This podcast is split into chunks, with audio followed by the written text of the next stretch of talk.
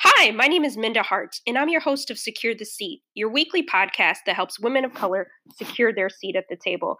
And it's not about just you getting your seat and then kicking your feet up and be like, oh, yeah, I'm good. No, it's about bringing other women of color along with you and also looking around the room and seeing who's missing. If you are not a person of color, are there any women of color in the room, in the boardrooms that you sit in? If not, use your privilege, use your influence, use your power to bring them along with you. And this is not not asking you to do a charity case. That's not what this is about. There are competent um, those with expertise and credentials, and even those who may not have the traditional credentials, who may be able to do the job better than some of us with credentials have. They just have to be given the opportunities. And I just want us to rethink the future of work, giving people the opportunity to be successful. If you never have the opportunity, then how do you get in the room? And so it's really important that we bring other people along with you and you don't have to hold that seat forever. Securing the seat is creating space, the agency for others to come in and maybe you have a succession plan and so you're setting it, things up for the next person. Uh, the thing I want us to really think about is we don't have to move in a scarcity mindset. There is enough room for all of us to be successful. I mean, I often think about when someone will come to me and say, Hey, I have this business idea, but I think the market is saturated or something of that sort. And I say, Look at all of the workout videos that have been produced over the decades. I mean, you would think that you would need any more workout tapes on how to get glutes or how to get the perfect tummy but there are new videos all the time and and it's their unique slice of genius so if you have something that you want to put out into the atmosphere that you want to produce don't let those things stop you. Secure your seat today. And so I know that some of you have hit me up and said, hey, we missed the heart to hearts. They are coming. We just have so many awesome guests that I want to get their voices out there. This podcast is really less about me and more about elevating other women of color uh, and other people who have really great things to say so that we all can secure our seat and lead with purpose. And on today's episode is no different.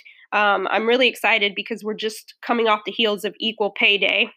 I have a lot to say on that, but basically, we know that Equal Pay Day uh, tends to highlight not women of color in the best ways because most of us are not making what some of our white uh, and Asian counterparts are. And so it's really important that we talk about our money and have a good relationship with our money.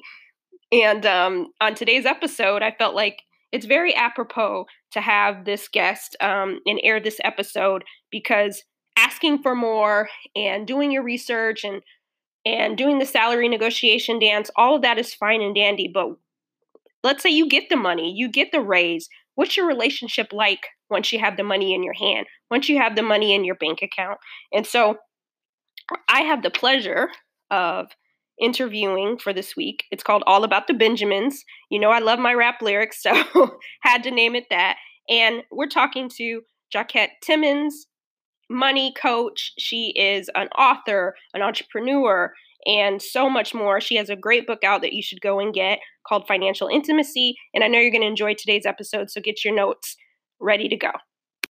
Welcome to Secure the Seat. How are you? I am doing quite well. Thank you so much. I am so happy that you're here. I follow you online, and I'm sure some of our listeners are so happy um, to to know about you. If they don't already know about you, they're going to go and run to your website and uh, and purchase your products. But tell our listeners a little bit more about you. Sure.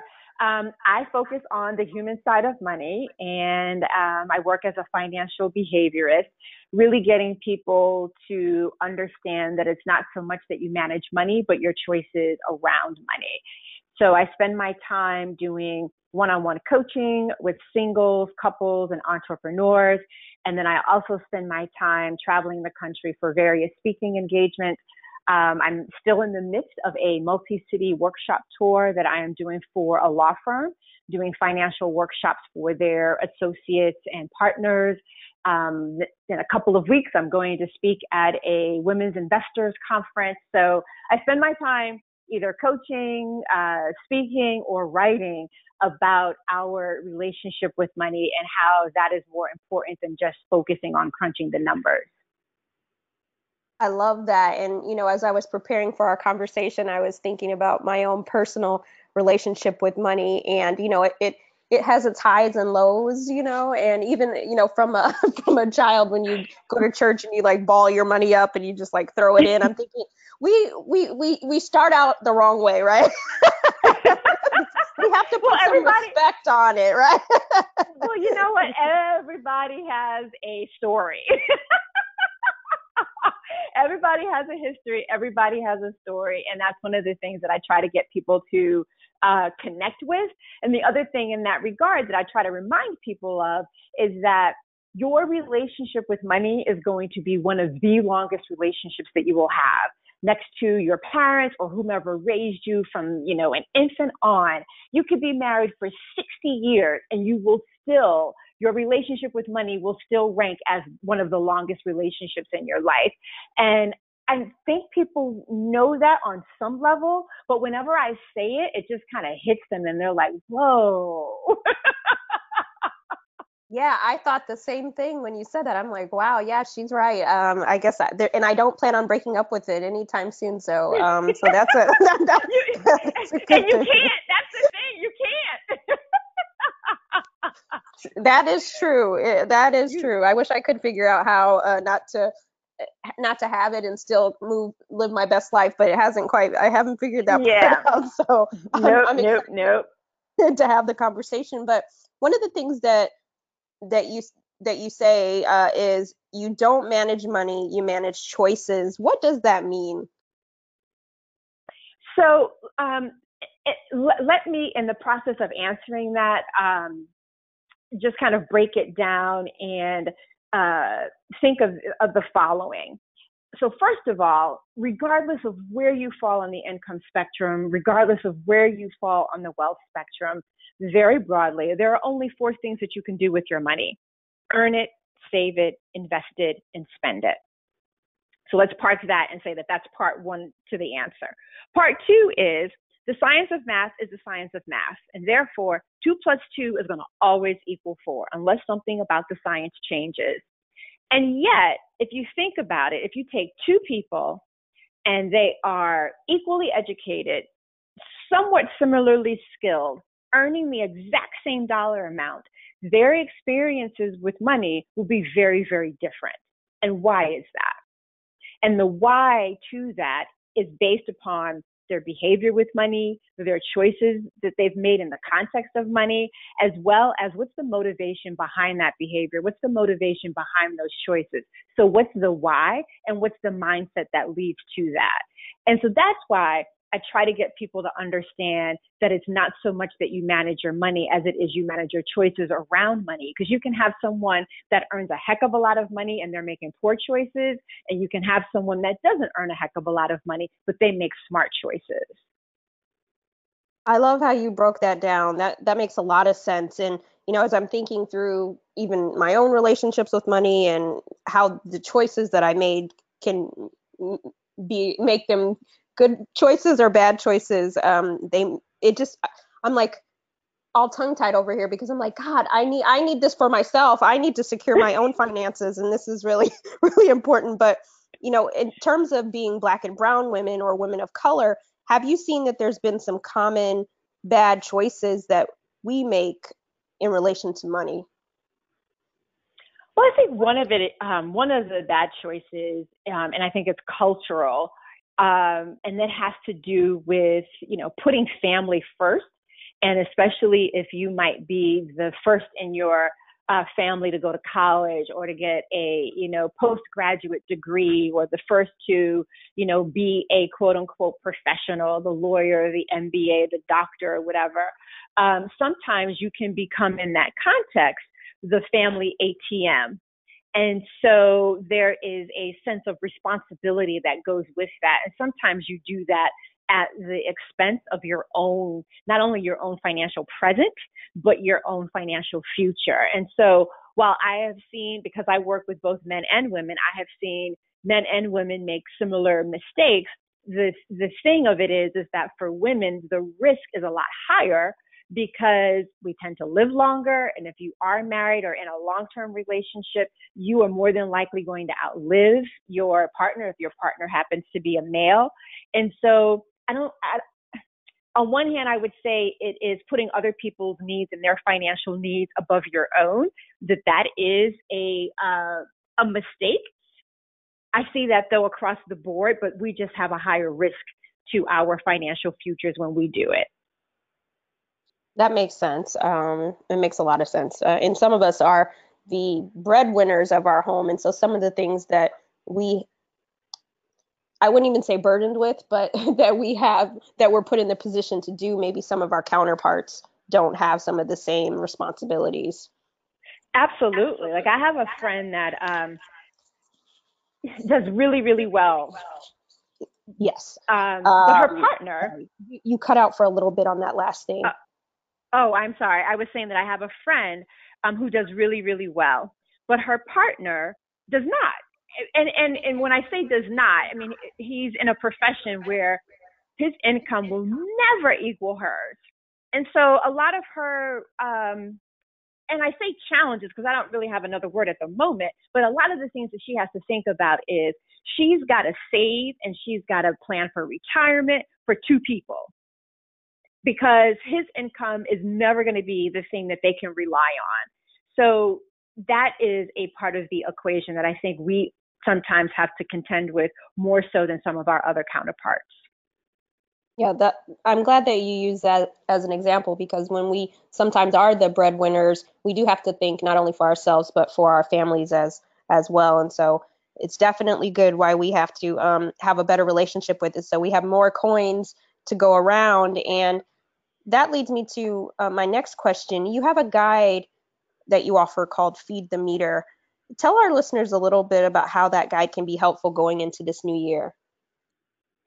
So I bet everybody listening, right, is really good at setting goals. That's probably one of the reasons why they listen to Secure the Seat. Um, but what I want to do is shift people from the mindset of just setting goals to a practice that I call goal mapping. And what this really does is kind of reorient your relationship with your goal. And part of that stems from a belief of mine that says that 99% of every goal that you have has a financial component to it. And what most people tend to do is they, they, you know, they set their goals and they think of them as this is a financial goal and this is another goal, whatever that other goal may be. And I think that part of the problem with thinking in that kind of bifurcated way is that people overlook the fact that again every goal has a financial component to it. And the reason that that becomes important is what you need to fuel or to feed that goal is money. So if you don't know the, the, the financial component of it, you don't know how to best allocate your current cash flow you don't know how to best invest the money that you have set aside for your goal. And so that's what the Feed the Meter guide helps you to do. Like really get really clear about what the goals are that you have, what's the financial component of those goals so that you can make wiser decisions about how best to allocate your resources, how to invest the money that you've set aside. Because if you have a long term goal, you're going to put that money in a different place and if you have a goal that's between now and five years. But the other thing that it's going to help you to do is to figure out what are the habits that you need to practice for that goal. And I think sometimes we're good at, you know, writing down, oh, these are my goals, but then not dissecting, well, what's the financial component? What are the habitual components? Who are the other people that are going to be affected by this goal other than me and and things of that nature. So those are the things that the Feed the Meter guide walk you through and, and invite you to think about. Yes, and I invite the listeners to go to the website and I will leave it in uh, the show notes and get the meter. I mean, feed the meter, get the guide, all of those things. And, and make sure that you're, you're using that resource. And another resource that you have is um, a new dinner series called the Comfort Circle. What is that and why did you create it? Yeah, so we are going into our third season. Uh, so thank you for the shout out on that. And the comfort circle is an opportunity for a small group of people. We never have more than 12 people at the dinner table to get together to talk about money, business, and life over food and wine. And what sparked it was a conversation with a coaching client. And I share this uh, demographic information just to kind of highlight um, the notion that we sometimes have around who knows what when it comes to managing their money.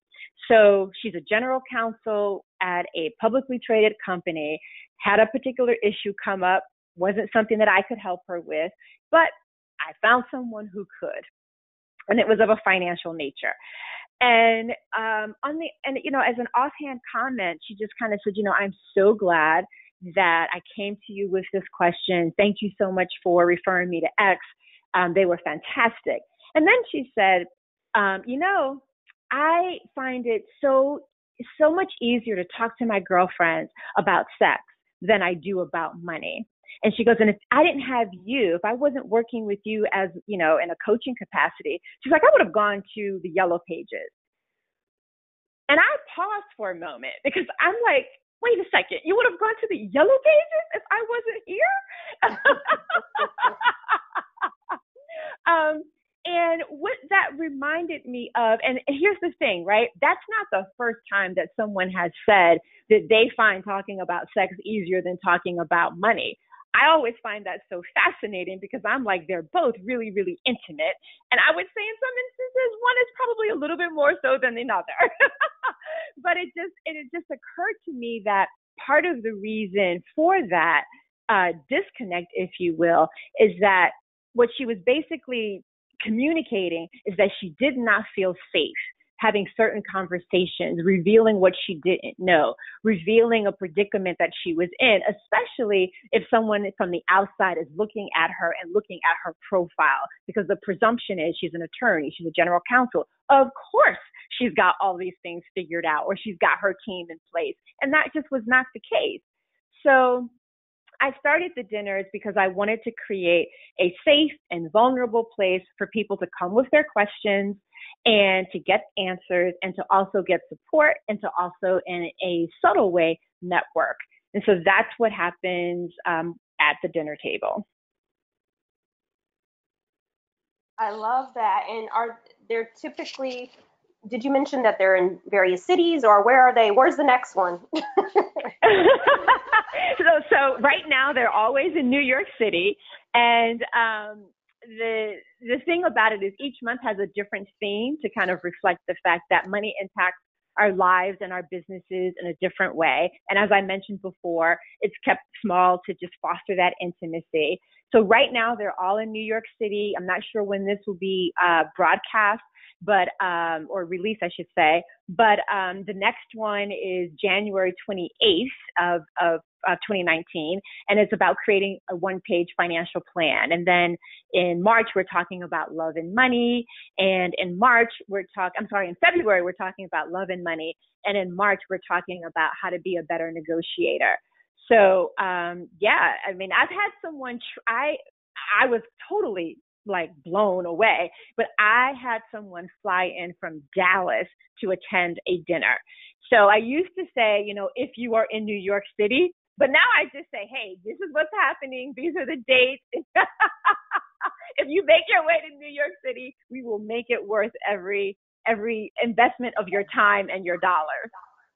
I love that. And people come through New York City so often that and it, and depending on where you are, it's a it's a easy flight and sometimes we have to invest in ourselves to give us that opportunity to level up. So if you get a chance please um, attend one of those um, comfort circles uh, in 2019 so there might be some listeners who they just aren't in a position to be able to attend one of the dinners or you know purchase the guide but they have to do something and they need one actionable step or a piece of advice um, to help them change their relationship with money today, what advice would you give them? If I can um, answer that, because you asked for one thing, but if I can actually make it a two-parter. Um, okay, I, the, I, I, allow that. Yes. okay, perfect. I didn't want to just dive in um, and without acknowledging that you did ask for one thing. Um, but the first thing that I would suggest is that um, people not equate paying your bills with actually proactively managing your money.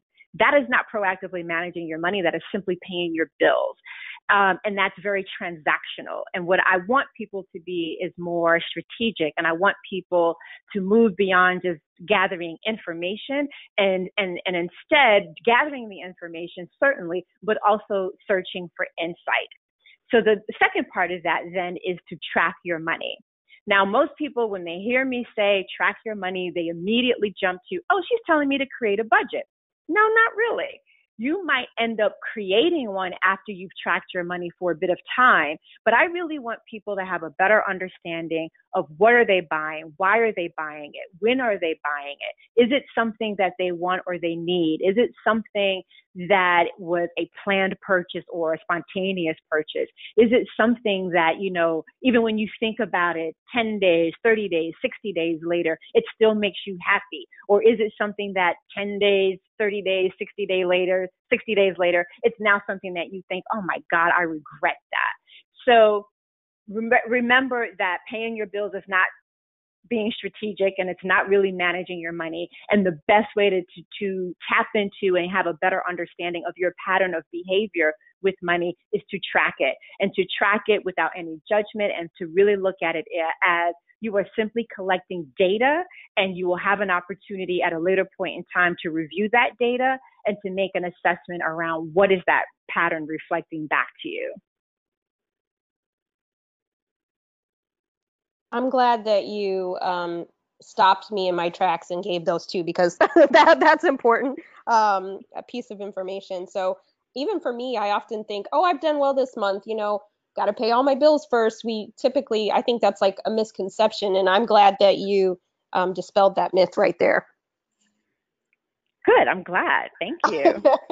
and I know that some people are probably like chomping at the bit. Um, with more wanting more from you and how can they support you and work with you hire you all those good things?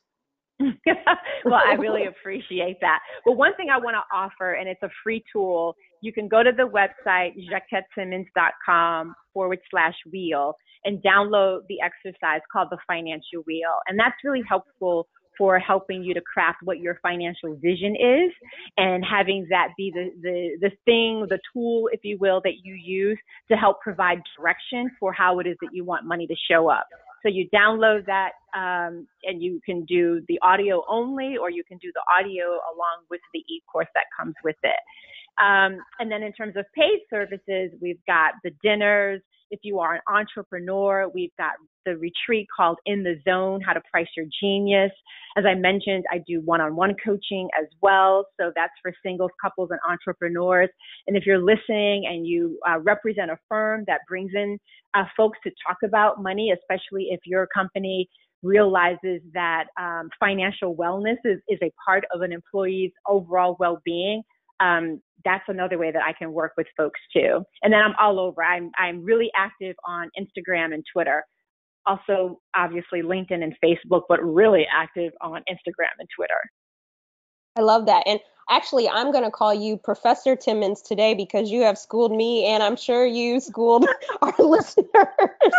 Um, and I have to tell you, um, this is the first time that I'm telling you this, but I've actually, mm, the first time that I heard you speak was about two years ago. I was at the um, Women of Power Summit by Black Enterprise, and it was oh, in Phoenix, Arizona. And I believe yes. you were on stage talking. Yes, and that was my first yes. um, time uh, hearing you speak and talk about um, money, and I really enjoyed it. And so um, it's such a pleasure two years later uh, to have you on the show. So thank you. Oh, thank you. I love how that works. Me too. You just never know. You just never know. Um, so before we leave, though, I have to ask you my two bonus questions. And as a lover of grits and rap lyrics, uh, what is your favorite rap lyric and why? Okay, so my favorite rap lyric is from 50 Cent, and it is from um, his song um, Hate It or Love It. And but it goes, um, hate it or love it, the underdog's on top, and I'm gonna shine, homie, until my heart stops. Go, oh, wait, wait, wait. Go, um, go ahead. No, what is it? yeah, go ahead, envy me. I'm Raps MVP, and I ain't going nowhere so you can get to know me.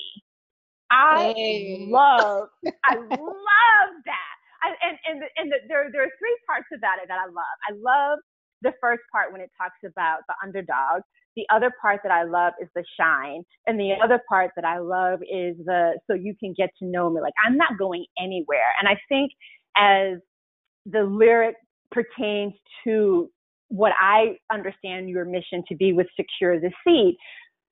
As women, as Black women, as women of color, when we enter a room, there is, depending upon the size of the room, there is probably at least one person that is underestimating us before we have even opened our mouths, before we've even demonstrated what we know, our skills, our value. And I think that whole idea of recognizing that, yeah, you may perceive me as an underdog, but don't sleep on me. And that's where the shine part comes in. And and then the other piece of I ain't going nowhere. I think that is all about us claiming that seat and recognizing that we've done the work, we deserve to be here, and we are not being displaced. So that's why I love the lyric because I think that it, it is imbued with so much um, beyond some of the other things that are in, involved in that song. I love it. I love it. And you know what? I don't even have to ask you what secure the seat means because you hit me with the with the two for one and you gave me uh, what that means too. So, um, bam, mic drop. Nothing left to say, but other than thank you for being my guest again, schooling us, Professor. And um, I'm just so happy that we had the opportunity to to chat. So, thank you for your time. Oh my goodness, thank you. It was such a delight. I really appreciate it. I know you enjoyed that episode with Ms. Timmons, and make sure that you go and support her work. Uh, she's on these internet streets. You can go to mindaharts.com in the show notes and click on her information. Support her. Part of securing our seat is helping others secure their seat as well. So if you're in the area and you go to her website and you see that an upcoming a comfort circle dinner is coming up purchase a ticket and also too i'm a big proponent of if you can't go to somebody's event or function or talk but they have tickets available for purchase purchase a ticket because that signals to that person and to the powers that be that these things are important and so make sure you help people in those ways and then too uh, my birthday is next monday and um, i will be working and doing all sorts of things but one of the things that I hope that you will do for me is one of two things. Either A, go purchase um, my new book, which is on pre order. It's called The Memo What Women of Color Need to Know to Secure a Seat at the Table, wherever you like to buy books uh, Apple Books, Amazon, um, the Hachette website, uh, Books a Million, Walmart. There are so many places, indie bookstores. Go and support your girl. Uh, we want to make sure that um, this book is gets in the hands of people and you don't have to be a woman of color to purchase this book you know i have a i like to say that it's part pep talk part toolkit on how to move forward in the workplace but then also it lets those who may not be of color or might not be marginalized it lets them know insight into some of our experiences and how they can be helpful going forward so this book should be in everyone's hands, no different than any of these other business books that are out here and written by other people. So make sure you do that or go to Apple Podcasts or wherever you like to listen to your favorite episodes of Secure the Seat and leave a rating because those ratings mean a lot. Those are signal boosts. Again, you know, we're in this together and so we need content like this. And so make sure that you connect with me. I love to hear from you all. I'm most active on Twitter so you can find me at Minda Harts. And um, also, all of my information is on mindaharts.com. So check me out there. Also, don't forget that I also run a company with my co founder, Lauren, called The Memo.